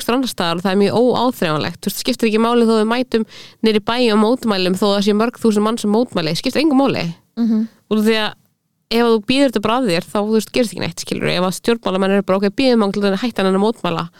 Þú kemur ekkit, þú nærði ekkit að koma í vekk fyrir allar þessar brottvísunir og þú nærði ekki að koma að þú veist, að koma í gegn að einhver ráð að segja af sér út af því hann er gjör spiltur, skilur þú veist, bara þú veist, Bjarni Ben er bara ódöðlegur og þú veist, þetta er bara skilur hvað ég meina, þú veist, þannig að ég held að það sé bara ógislega legit pæling að kjósa ekki þú veist, það bara hvað bara, þú veist, vá. Mhm, mhm. við erum að spilla hugum unga fólksins í þessu bókasti Já, það eru svo margir ungir að hlusta. Það er svo, Svo margir. litlum böndum, hvítvóðungar um, já, einhver vini þínir sem eru nýbúin að klára MH uh Já, ef að tala um Donda? Já, tölum um Donda. Hva, Hvað dag þegar er að tala um Donda er smá þess að ég tala um Love Island um daginn. Já. Mm Það getur alveg verið, sko. Ég mun smá svona stýra þessar umræði þú munt stýra þessar umræður um, Ok, já, Ég það er, það er hluti sem Já, ég vil segja um Kanye sem tónlistamann og svo plötu en uh, uh, uh, Já, hvenær kemur hann út? Fyrir, við erum að taka þetta upp með ykkur degum kom út á sundaginn eitthvað? Já, sunnudaginn. Kom út á sunnudaginn bara svona búið að vera að býða ókslega lengi kannski byrjaði kannski bara þar hún kom út á sunnudaginn mm -hmm. út af því að þú veist eitthvað uh, ég fílaði smá svona hvernig hún kom út og ég var að ég var síðan bara svona reddit fram á nótt uh, að lesa eitthvað það sem Já. fólk var að segja um Kanye og plötuna og eitthvað svona og mér svo fyndi svona það eru svona margar ástæður fyrir því okkur Kanye fyrir töðunar á fólki Mm -hmm. ein ástæða er eitthvað svona fólk sem fílar ekki veginn hvern, hvernig tónlistin hans er orðin þú veist, Mhm. og eru kannski svona fyrrverandi fans eða kannski fans af gömlu tónlistinni já, fíl ekki eitthvað svona hvað þurft að býða lengi og platan sé ekki eitthvað heilstætt listaverk or something og eitthvað. Og sé löng og svona. en ég fíla, mér finnst ógeðslega fyndið að gefa út 27 laga plötu mm og mér finnst líka mjög mikilvægt svona ef ég hugsa út frá því bara hvernig list virkar og, og hvað list er þá svona það er mjög mikilvægt að inn á svona plötum og það er mjög eðlilegt að það lendi eitthvað þar sem að þú tengir ekki við Mm. og það, það, er, það er svona mikið af svona milliköplum svona alls konar kaplar með tali og bara svona, þú veist og, og svo svona hljómar og svo, þú veist, platan byrjar á svona tjanti danda, danda danda, danda, danda, skilur bara eitthvað kona að Mhm. endur taka þetta nafn og það er bara svona byrjunin. Og því að þú veist, það það er ekki hægt að gera consistently bara mistraverk Mhm. og hini hlutinir veist, stundum þarf bara eitthvað dæmi tíma þannig að þú fattar það. Það er verið hana með flesta plötunur hans að þú veist, það þú veist, það er eitthvað svona og þú sér það síðan eftir á hvað þarna hvað þetta átti síðan eftir að hafa mikil áhrif á tónlistin í framhaldið bæðið með eitthvað svona hvernig hann notar autotune svo þarna gospel og og eitthvað svona alls konar sound sem að verða vinsæl, skilur og æ, það var að ringi mig, ok, svona uh, og, og svona, þetta er eitt þetta er eitt sem fólk fílar ekki við kann ég, er eitthvað svona að þarna, hann verðist ekki geta gert bara svona consistently bara góða lög, heldur þar hann að setja út eitthvað svona rugg líka. Mhm. en mér finnst það geðveikt og mér finnst það, það er svo, mér finnst það svo mikilvægur partur af listsköpun. Og þú getur ekki gert bara hits þú verður að gera miss líka. Og ég er líka svona uh, samband mitt í tónlist þú veist, ég kem ekki ég er núna bara að tala sem svona manneska sem hlusta á lög og ég hlusta á tónlist á mjög svona ákveðin hátt. Ég er ekki ofta að láta heilu plötuna rúli gegn. Ég, ég á alltaf nokkur uppáhalslög þá hlusta ég bara þau aftur og aftur og aftur, og aftur skilur og og ég er bara þannig með þessa plötu. Ég er bara búin að hlusta nokkur sinnum og ég er bara búin svona að fíla ykkur ákveðin lög Já, og, og mér finnst þau geðveik. Þannig ég er bara gett ánað að þetta koma út og því að ég er kann ég fan. Og ég las gett gott í gær á netinu um þetta. Og það er smá svona eitthvað manneski að tala um þessa plötu og eitthvað. Og ég var gett sammála og slamurg sem að sagði. Og var eitthvað svona þetta er smá svona you're with it or you're not. Mhm, þú ert svolítið mikið bara eitthvað kanni fan og til í þetta eða ekki? Og Mhm. þá var, var, er þetta ekkert að fara uh, gera neitt fyrir þig? Og ég er smá svona bara with it bara Já. búin að vera síðan að uh, ég varði eitthvað svona alvöru fan fyrir mörgum árum. Það er svona veginn sama hvað hann gerir. Jú, alveg átt mín moment eins og ég var svona furðaði mig á allu þarna Trump-dæminu. Mhm, og alls konar ruggli og svo hann er maniskur á Twitter en ég hef ekkert nefn bara svona gaman af þessu mér finnst hann, hann er ógeðslega mikilvæg persóna til, mhm. og hann, hann, hann er svo þú veist, kaotískur og rugglaður og og kemur, þú veist, og hvernig já, eins og lögin hans, þú veist, það sem ég þú veist, textanir hans þeir fjalla um gett stór þemu, trúna þú veist, fjalla um samböndin hans samböndin hans við móðu sína uh, sögur fólks í þarna sem kemur uh, þú veist, úr sama sa- frá sama bakgrunna hann. En hann samt svona mentaða mömmu sem að þú veist, hann lítur gett upp til og þú veist, þetta er bara svona þú veist, hún hún er eitthvað neginn svona stór fígura í þessar list, skilur og mér finnst þannig ekki veist, eins og mikið og fólki langar að, að, finnast hann sexist og finnast hann problematic þá finnst mér bara svona heldar effektin af því sem hann hefur gert Mhm. vera vega upp á móti. Já, hann er bara svo, þú veist hann er bara jarð í það í Mhm. bara í listsköpun þú veist, hann hefur gert svo geðveikt mikið að geðveikt góðri tónlist skilur og mér finnst einhvern veginn hérna er bara svona hérna, þú veist, ég er eitthvað að tala með hundunum en það er eitthvað svona á einum stað hérna er eitthvað svona, þú veist, díalógrun sem við erum að eiga um einhvern veginn samfélagið okkar og hvað og svo er einhvern veginn listan aðeins fyrir ofan. Hún er bara svona okkar leið til að eiga, þú veist, communicata við æðri máttarvöld skilur, Mhm. þetta er bara svona tónlist fer, fer með okkur á eitthvað herra plan, skilur að gera góða tónlist, þetta er bara svona eitt af best í lífinu, þetta er bara svona já, mjög mikilvæg fyrir fólk og svona bara svona, þú veist búin að gera alls konar hluti sem eru klikkaðir og er eitthvað svona eins og núna, veist, það stóra við þessa plötu sem er svona iffy er að Marley Manson er á henni Mhm. hann er nýbúin að, þú veist, það er nýbúið að ætla að hafa ekki verið vitað mögulega um, mögulega er það bara eitthvað svona resurfacing og bara svona í núna okkar MeToo samhengi þá svona eitthvað, já, hann er ofbeldsmaður hann, fyrir, hann hefur beitt fyrir hann kæristu sinur og en bara það kom konur út yfirlýsing frá Evan Rachel Wood sem Já, að um. var kærastan hans að þú veist hvað hann er hún hefur talað um ofbeldur sem varð fyrir áður. Mhm. og það var svona frekar líklegt að hún væri að tala um hann en hún er rauninni svona nafngreindan í fyrsta sinn á árinu. Já. Og það og, verið hann.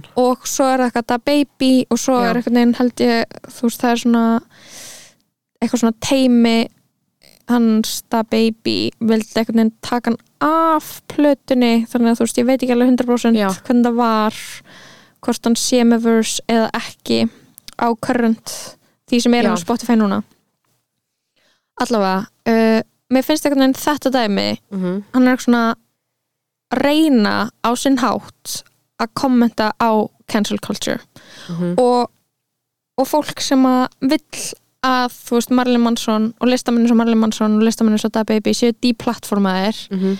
uh, vegna hegðunar sinnar uh, þetta rubs them the wrong way Mhm. og ég er bara eitthvað að hugsa þú veist, hvað Kanye West stendur fyrir hvernig tónlist hann gerir hver er við, hvað er svona topikin í lögunum hans, hvað hann hefur sjálfu gert þá er eitthvað svona mér finnst þetta mér finnst mikilvægara að þessi plata komi út og, og umræðan sér tekin heldur en eitthvað svona eins og fólk sem er að tvíti gær bara eitthvað, ætlum við bara ekki segja neitt um það að þessi og þessi sé á plötun hans? Og bara ábra alltaf að þú veist, eitthvað er bara eitthvað skiptir ekki málu til að það er Kanye? Og þá er ég bara að hugsa skiluru þú ert ekki Kanye West fan ef þú ert að segja þetta. Þú, þú veist, það er svona mín tilfinning. Út af því að þú veist hann að þetta er svona þetta er bara eitthvað þið langar ekki að hlusta á hann gaur. Þú ert bara að reyna að banna okkur um öðrum að njóta þess að hlusta á hann. Út af því að mér finnst þetta bara vera mér finnst þetta bara vera eitthvað svona frekar mér finnst þetta bara vera eitthvað svona eitthvað effort sem að við tengjum ekki við og okkur finnst skrítið og til að við erum ekki að hugsa á sama og Kanye West um þess að gaura, af hverju hann vil involvera þá? Þú veist, hann hefur aldrei unni með Marley Manson áður skilur mig, hann, en þú veist, núna einhvern veginn finnst hann það mikilvægt. Ég Og held mér- að sé bara hann að stuða skilur ég veist, hann, hann er að stuða en ég held að þetta sé samt ég held að þetta sé ekki gimmick. Ég held að þetta sé eitthvað úthugsað en þú veist hann veit ekki hvað hann á að gera. Þetta er bara svona gaur, það var, það var svona ítrekkað hefur Kanye West verið til umræðu og hann hann og svona, já, hans mental health og bara hvað hann sé óstabíl og Mhm. átt að þú veist svona hvað segir maður að það er að þú veist þarna uh, maður ætti ekki að eða svona við eig- eigum ekki að taka mark á honum lengur svona þetta, mm -hmm. reyna, reyna að gera hann ómarktækan. Og því að hann hefur náttúrulega bara þú veist átt að sína episódur þar sem að hann er crazy, mm þú veist. En hann er samt einhvern veginn manneska sem að hefur samt ennþá ennþá ógislega mikið að segja og relevancy, skilur En ég held, þú veist, að það sem þú ert að segja er, væri líka hægt að segja um Woody Allen, þú veist, það væri hægt að segja um alla listamenn sem að taka mm -hmm. eru, þú veist, kontroversial að, hérna, ef að þú segir eitthvað um, veist, plattformin sem þeir fá, að þá sérstýrurinni bara fílir ekki listina þeirra og þú veist, það með questiona að þeir sem er plattform, skilur Mm -hmm. þú veist, mér finnst það alveg bara svona þú ert að segja, þú veist, þá ert ekki kann ég Westfan ég held að sé alveg rétt, skilur, en ég held að sé líka alveg fullt af fólki sem bara svona þú veist uh, hefur verið kann ég kann ég West fans og er það lengur? Og, og hefur, þú veist, verið eitthvað ok, þú veist, fær óbræði munnin að því það hefur eitthvað svona persónlega stóra skískotun fyrir þau að þú veist að hérna taka ákvarðanir í persónulega lífin sem hann hefur gert, bara eins og þetta með Trumpismann, skilur það er bara eitthvað svona að þú ert eitthvað þú veist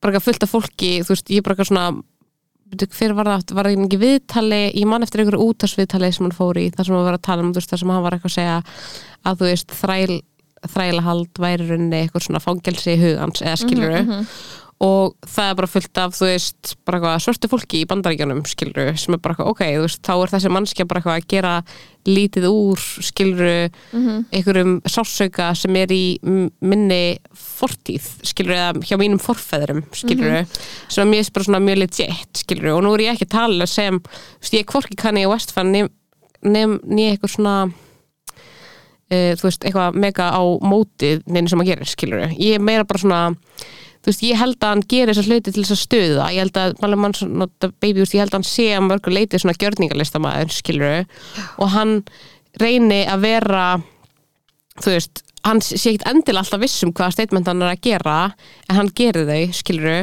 Já. og það sé einhvern veginn uh, og það sé í rauninni bara, hún er mjög í hag að það sé kontroversial skilur hvað ég menna Mhm. þú veist, hann er að reyna, ég held hann sé að reyna að stuða hann er að reyna að vekja viðbrögð þú veist, einhver viðbrögð, bara hvaða viðbrögð sem eru, skilur, bara jákvæð eða neikvæð.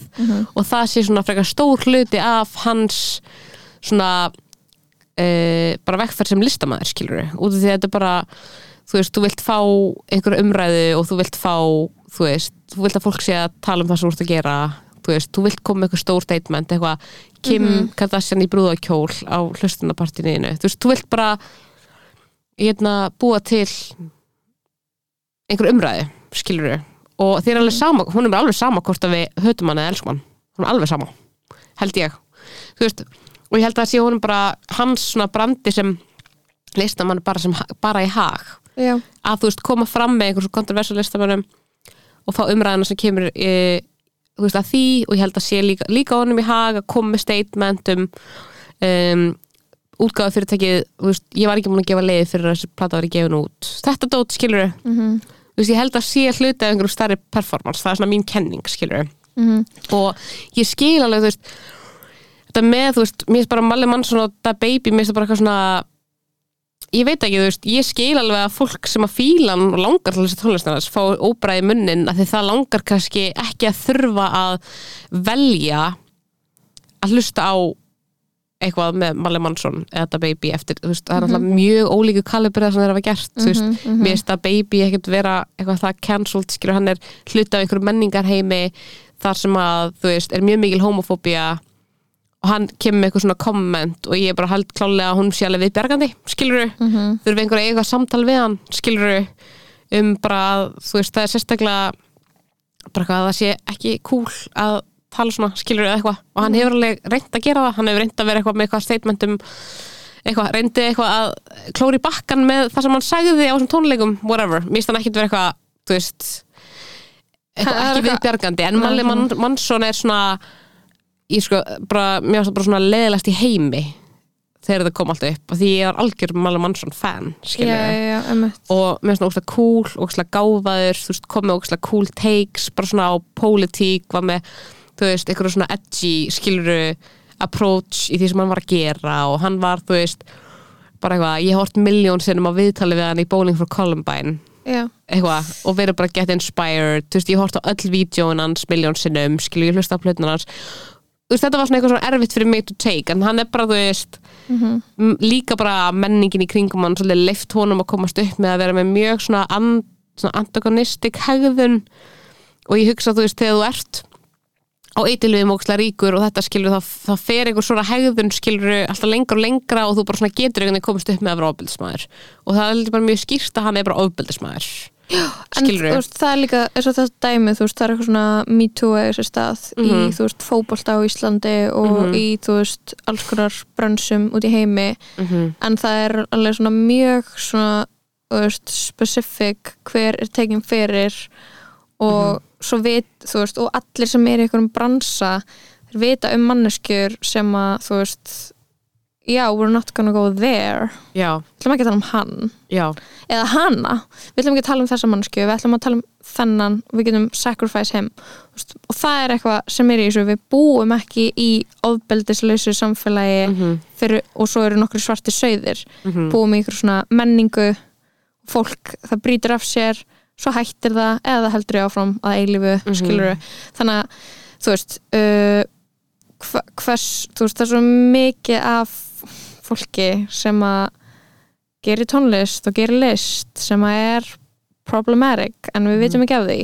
Svo af þeim sem við vinnum af þá svona, þá er allir bara að ekki, aldrei snerta það aftur. En skilur, þú veist, það er eitthvað eftir ákvörðun að taka fólk sem er sko mjög nýlega búið að vera upp í stað einhverju svona problematic hegðun, annarkvært ofbeldi eða þú veist, einhvern svona homofóbiskum kommentum hvað lesi ég það hjá honum? Já, að þú veist, taka þá og stilla sér upp við hliðina þeim. Ég, þú veist, ég er bara eitthvað ennþá að melta það. Þú veist, ég er eitthvað svona, var eitthvað aðeins að reyna að skoða það og svo Mhm. fannst mér ég bara vera að fá svona geðast eitthvað uh, ekki nógu skemmtilega pælingar, mér langar bara að fara og lesa grein eftir eitthvað sem er búin að koma með betri cultural greiningu á það heldur en ég get.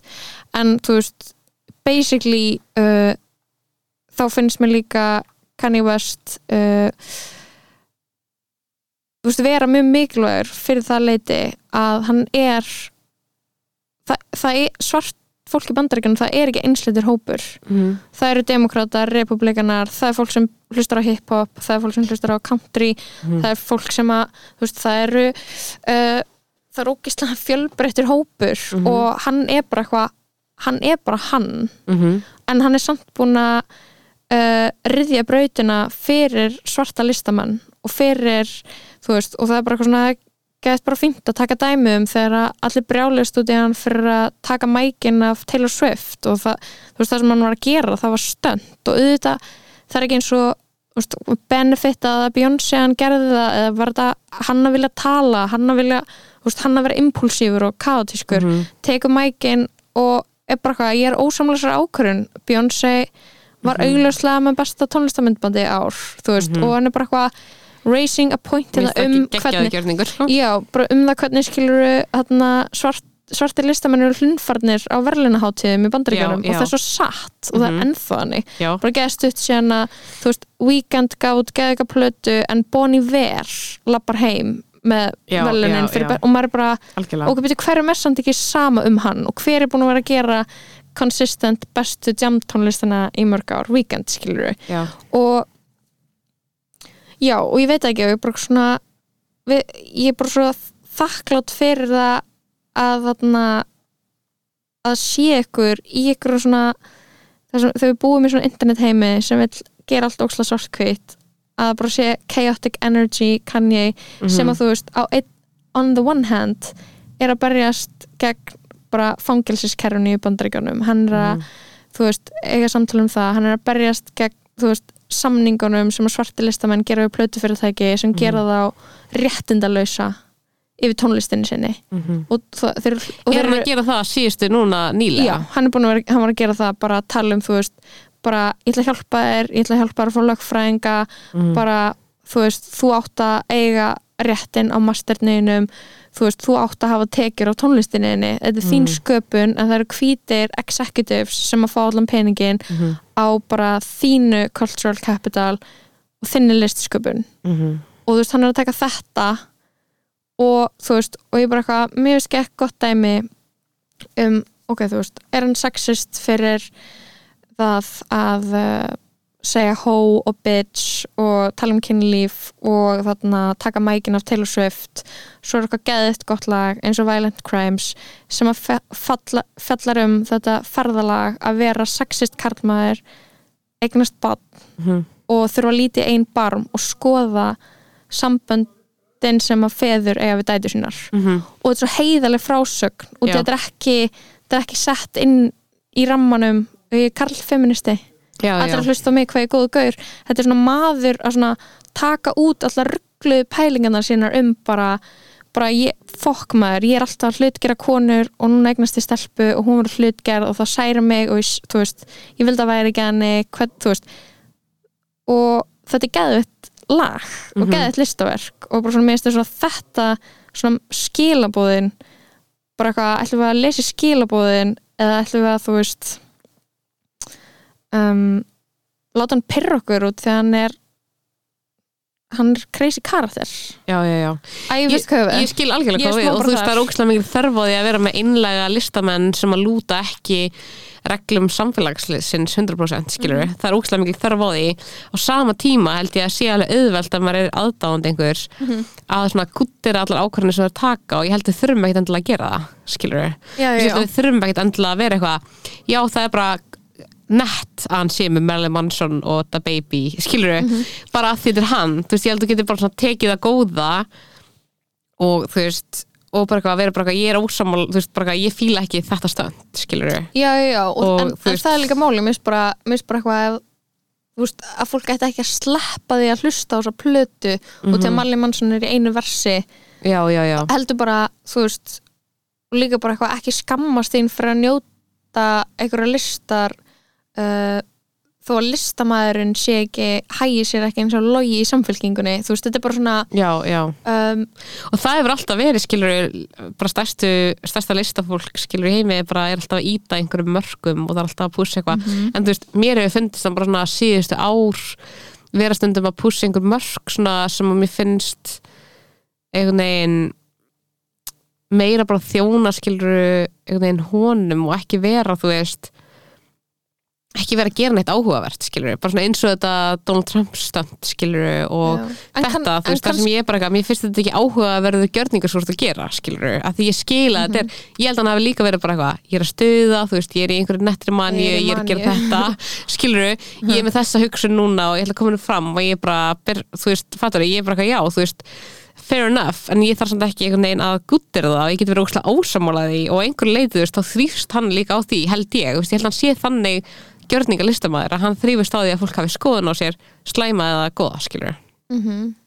og ég held líka bara að hann er komin á okkur stað í þú veist, hann er hans tilvist einhvern veginn í heiminum og gaggast öðru fólki, þetta er bara svona dæmi sem við munum aldrei geta skilið þetta hugar ástand, við munum aldrei geta skilið allt sem fylgir því að vera einhver heimsfrægur gaur Mhm. og geta gert allt sem hún vilt Mhm. og hann er bara með teimi af fólki sem að vinna við að veist, svara þínum þörfum já og bara fara og bara prófa allt og eitthvað og hann er alltaf vera skapandi og ég finna líka bara svona að þú veist, ég tengi við þetta dæmi að bara svona strax og þú veist, komið alltaf þitt band og fólk ætlar að fara að krítisera þig Mhm. að í staðin fyrir að reyna að geðjast því þá langar þið frekar að fara í hinn áttina og augraði meira. Já, því að hann já, er að reyna að augra woke og PC media. Algjörlega. Og það er út í að það er líka fólki sem að hjólar í hann veist, það Mhm. er alltaf einhver ástæði til að hjóla í hann. Það er eitthvað, út í hann ger ekki þetta út í hann gerir þetta út í hann hann sagði þetta um Kim eða hann var þarna við Taylor skilur alltaf, Mhm. þú veist, hann er undir svo miklu scrutiny nú þegar. Já, og það eru hvítar konur að skrifa think pieces um hann Mhm. sem að verðast vilja hvað mest taka niður. Já, án þess að þú veist og þá, og þá fyrir ég að hugsa skiluru skrifa, þú veist, ég vil að eitthvað sem að fílar tónlistan hans skrifa þetta. Já, sem fan að gera þetta upp. Já. En, er ekki, ekki ákveða, ekki vera hvít middleklass kona í bandaríkjanum og ákveða fyrir svart fólk hversu Mhm. miklu máli kann ég vast skiptir Já, algjörlega. Ég hef, þú veist, klálega á því að hann skiptir mjög miklu máli í menningalegu samhengi, skilur Mhm. En mér finnst bara svona eins og þú veist, það, það ég hef aðalega verið að fylgjast með svona ymmit, þú veist, ég hef svona að hlusta á tónlistina svona af og til, skilur en aðalega verið að fylgjast með svona hvernig hann er að presenta sig að því mér er ofta þetta óslega áhugavert skilur bara eins og bara eitthvað iconic klippa eitthvað, hann er eitthvað George Bush doesn't care about black people skilur Já. þetta er dóta sem ég bara þú ert að pusha um, plattformum sem þú ert með og Koma fólki- óvæntan og á hátt og bara og svo Já. finnst mér eins og hann sé að fara ymmit í þess átt að stuða til að stuða og þá finnst mér bara minna áhugavert Mhm. persónulega, þú veist, þá er ég bara svona ok, þú veist um, stundum finnst mér að gera í 100% geggja átt skilur, bara, þú veist, með því að vera bara eitthvað fara, þú veist, hann er alltaf að fara lengur og lengra í átt að einhverju svona eitthvað, hann er alltaf að tala um Guð og hann er að tala um skilur messu og hann er að tala um þú veist, einhver svona hið guðlega, skilur Mhm. og bara margt mér ávart sem hann gerir. Svo er einhver svona hlutir þar sem ég er eitthvað svona æðust mér finnst kannski í þessu samfélagi sem við búum í ekkit endilega að vera eitthvað pushing the envelope að þú veist, hampa einhverjum eins og Marley Mansson þú veist, mér finnst það ekkit endilega að vera svo óvænt skilur þú veist, það er kannski bara svona það.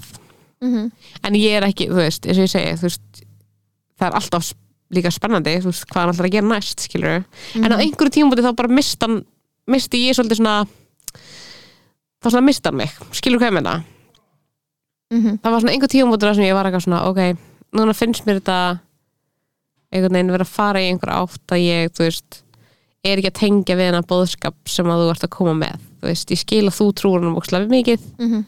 en ég er ekki einhvern veginn að tengja við það átt sem ert að fara í einhver svona hugmyndafræðilega, skilur Já, mitt, því svo bara eitthvað það er bara you're with it or you're not, skilur Já, þetta er líka bara svona verkefni eða, í ykkur bara rannsókn bara eitthvað hver er hugmyndafræðin hans bara hvað er consistent í henni og hvað ekki skilur það er bara Einmitt. eitthvað, já. Og stundum er ég bara eitthvað tónlistamenn eru kannski bara gett góður í að vera tónlistamenn. Já, við þurfum ekki að gera það og hann meira heldur en það. Algjörlega. Og ég er smá þar með hann núna ég er eitthvað svona, vá, þarna hvort að hann fari frambóð eða kjósi Trump mm það breytir ekki að tónlistin hans er góð. Já, einhvern veginn, skilur ég Mhm. smá þar Mhm. út af því að þú veist, hann er ekki ofbeldsmaður nei, nákvæmlega, nákvæmlega bara- maður hafa þá skoðanir sem hann vill já, skilurðu. einmitt. Algjörlega um, ok, vá, ok þetta var, þetta var svona ekki segja Kanye, þú varst núna að segja þáttinn. ég var búin að segja Kanye í allan þáttin ógíslega vel gert þér, ég er svo stolt að þér. En það var sko ósjálfrátt, ég var alltaf eftir því að ég sagði það var eitthvað, sagði ég rétt? Já, og ég þú er mannst búin að ekki lengur hvernig þú átt að segja það. Kanye, mhm. Mhm. Ég var búin að mjög mikið búin að vennja með það, ég veit ekki ekkur þetta var eitthvað glits, ég vil klippa út úr þættinum. Já, klippum þetta út.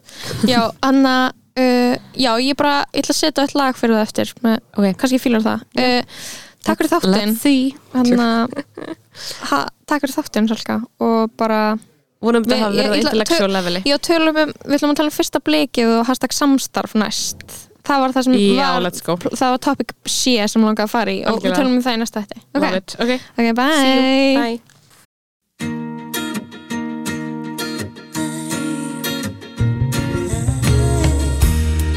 There is freedom within. There is freedom without trying to catch the days in a paper cup. There's battle ahead. Many battles are lost, but you never see the end of the road while you're traveling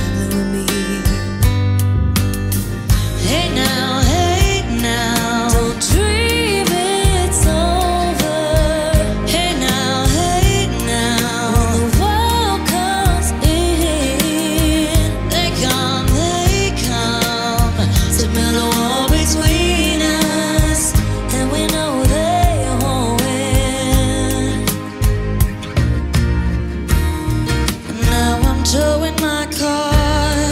There's a hole in the roof. My position the cause of my suspicion, but there's no proof.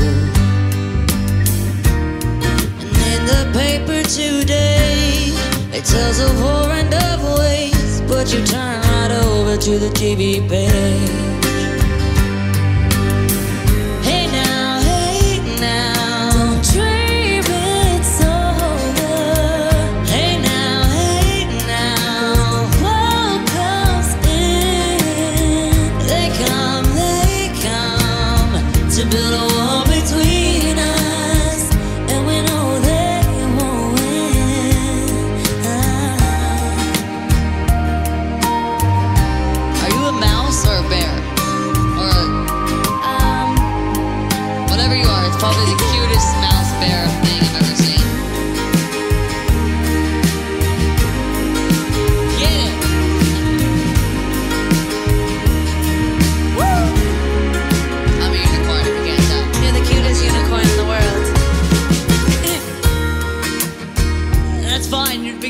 A riff on it. Sorry, I was fucking you up. I was riffing. Sorry. I was flirting. Sorry.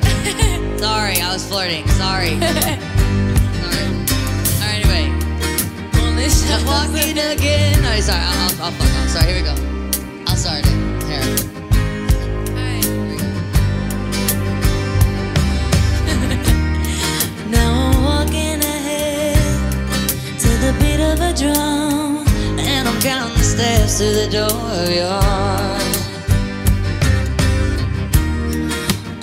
shadows ahead, barely clearing the roof. Get to know the feeling of liberation